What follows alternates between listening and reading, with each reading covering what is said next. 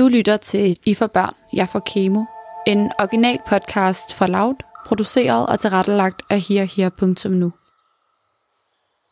Jeg har sådan et dejligt vedmål hængende over hovedet, som jeg kommer til at have hængende over hovedet resten af mit liv. Det her er Ditte, 29 år.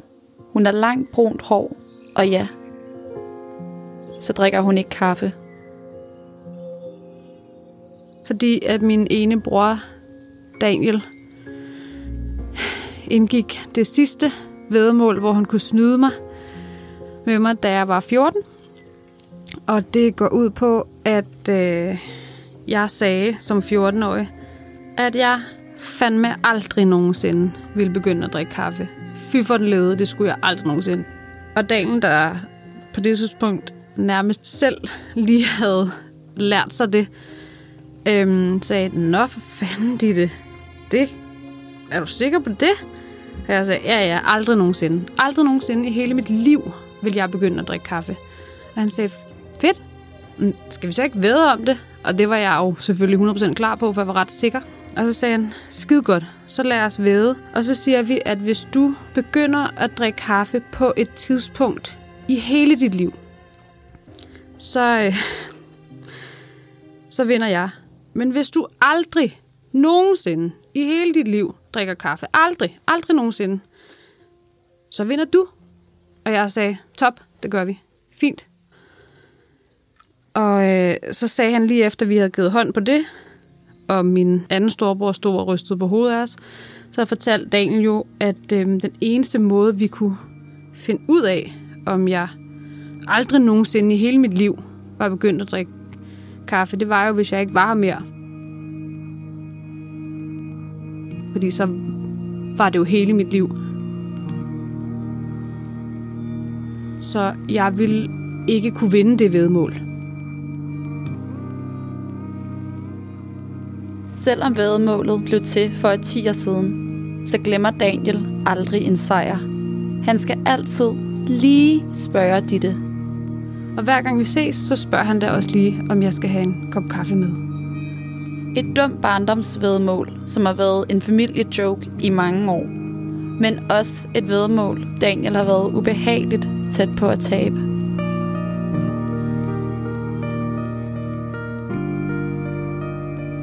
Du lytter til første episode af podcasten I for børn, jeg får kemo. Lyt med, hvis du bliver klogere på livet og på de ubehagelige dilemmaer, som vi kan møde på vores vej. Dittes historie, den handler i første omgang om at være lille søster. Hvad der sker efter, det kommer vi til. Men for at kunne følge med i Dittes historie, som vil slå et par sving i løbet af podcastserien, så skal du først lære hendes familie at kende.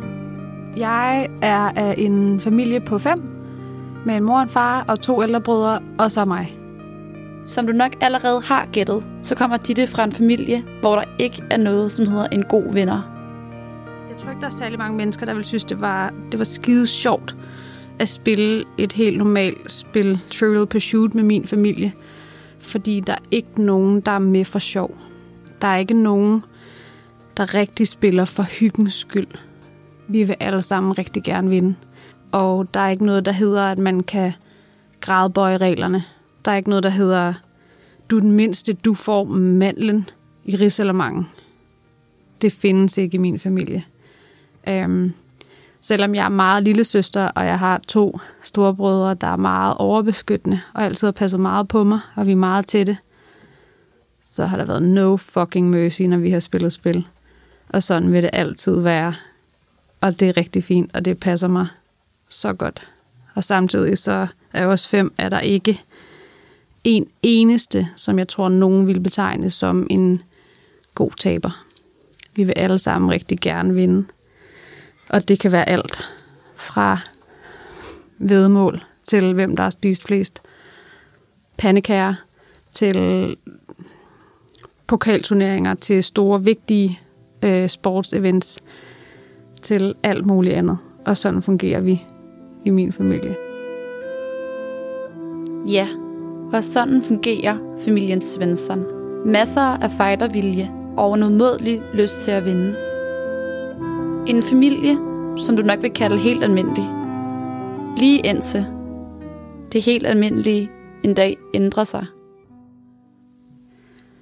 Kraft er egentlig ikke en ny ting i min familie, fordi min storebror Daniel fik konstateret lymfekræft i 2013, da han var professionel håndboldspiller i Tyskland og spillede i Bundesligaen og var på toppen af sin karriere.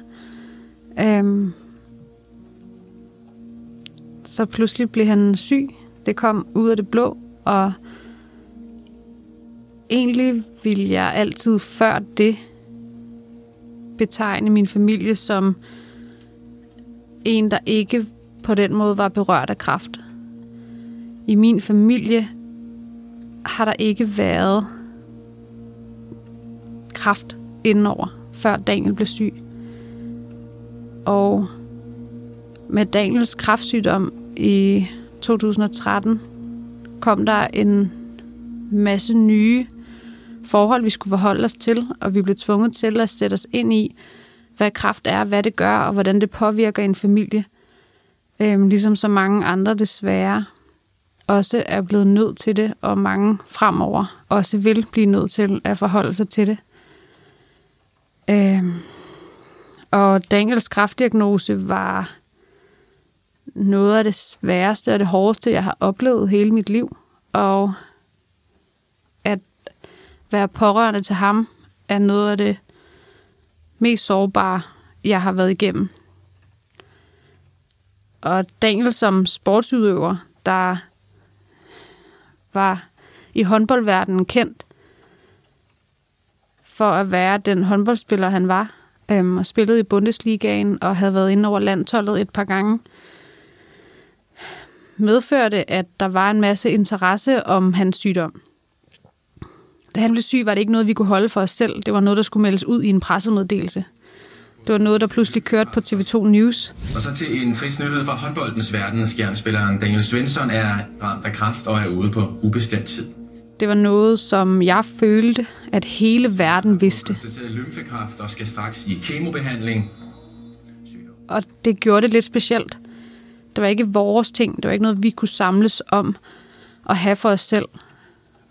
Fordi som sportsudøver er der nogen, der vil undre sig, hvis du pludselig ikke er med til en kamp. Og sådan var det jo også for Daniel. Og hele håndbold Danmark fulgte med.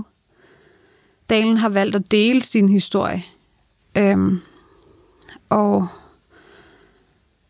har valgt at stå frem åbent om, hvordan det var, og hvordan det har påvirket ham.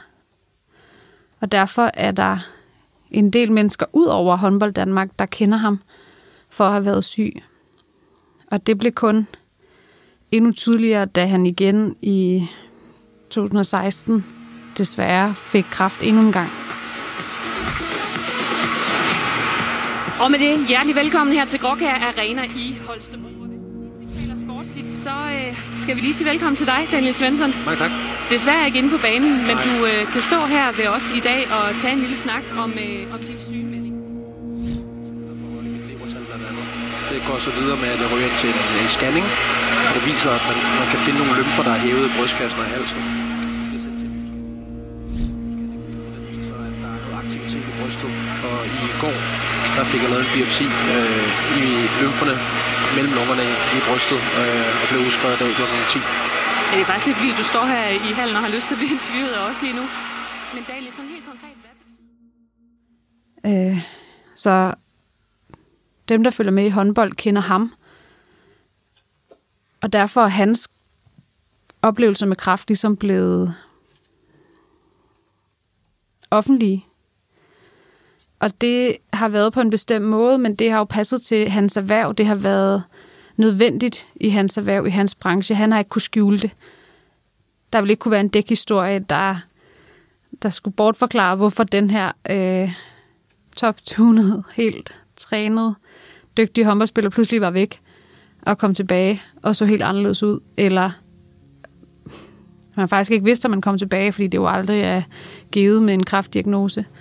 Så på den måde er der mange, der kendte Daniel.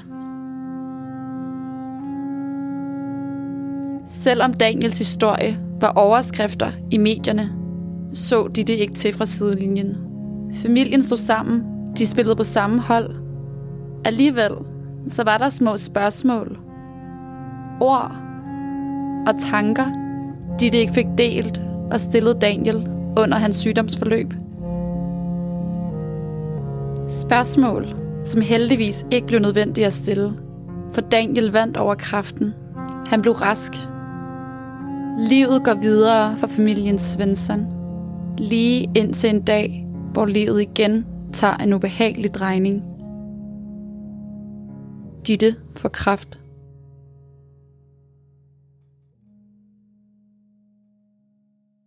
Vi havde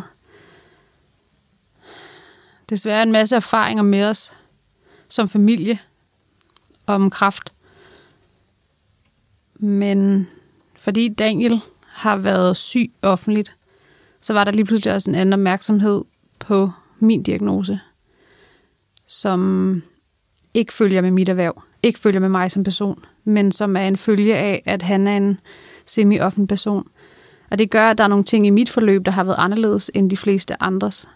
Jeg har ikke valgt at være offentlig, men der var en opmærksomhed omkring vores families tragedie, som det blev kaldt, som jeg skulle vende mig til, og som jeg skulle lande i. Øh, og det kan man jo være mere eller mindre god til at håndtere. Og for mig, der ikke havde noget behov for, at hele verden skulle vide noget som helst om min sygdom, og havde svært nok ved, at bare mine venner skulle se mig syg og have det dårligt, kunne det godt være grænseoverskridende nogle gange, at der var en interesse om mig, fordi jeg var syg. At jeg pludselig var spændende. At det var interessant at følge mig, fordi jeg var syg. At vi var spændende som familie, fordi nu var det ikke kun håndboldspilleren, der havde været igennem to kraftforløb. Nu stod hans lille søster lige pludselig også med en diagnose. Og det var der en fortælling i. Men det var jo ikke nødvendigvis mit behov.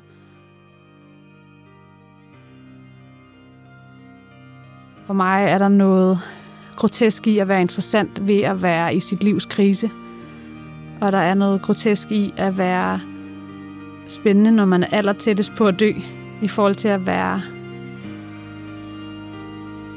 mindre spændende, når man har det godt og er rask og ikke er syg.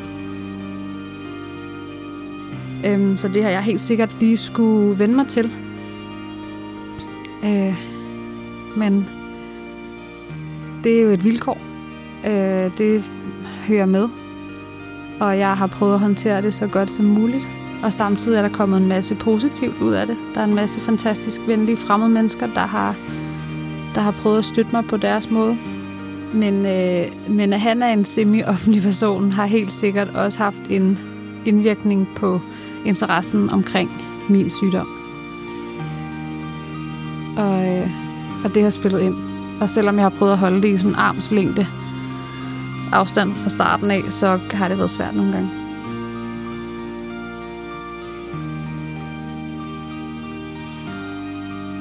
Selvom det har været svært, er det tid nu til at fortælle historien. Fordi hvis Dittes historie på nogen som helst måde kan hjælpe andre, der står i en sårbar situation, så er det det værd. Jeg vil lige læse op, hvad der stod i beskeden. Fordi du skrev den 2. august kl. 00.08.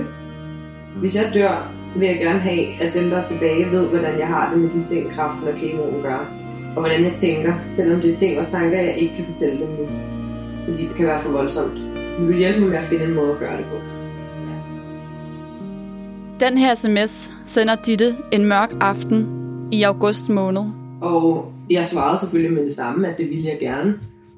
Jeg kan godt se nu, at det er en lidt vanvittig ting at skrive ud af det blå. Det tænkte jeg ikke over lige der. Mm. Overhovedet. Som du nok kan høre, så er lyden lidt anderledes i klippet.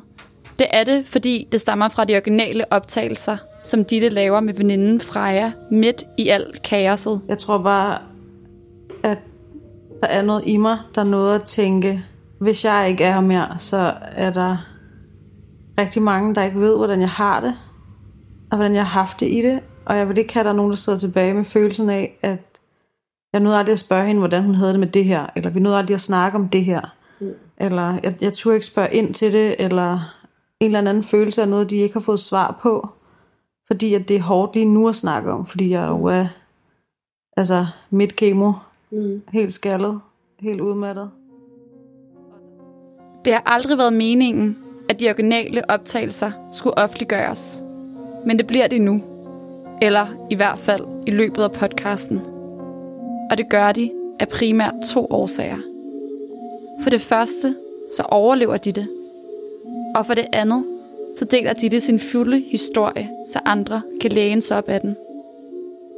Tænker du nu, at det her kun er en historie om at overleve kræft, så tager du fejl. Men det vil du finde ud af undervejs. Lyt med til næste episode, hvor Dittes historie starter en forårsvarm aprildag. Lyt med i næste episode af I for børn, jeg får kemo. En original podcast for Loud, produceret og tilrettelagt af herher.nu. Klip, mix, storyboard, lyddesign og alt det andet er lavet af Anders Guldberg og Christiane Ditte Vedel, som er mig. Abonner på podcasten, og husk at tale om det, der er svært. Vi lyttes ved.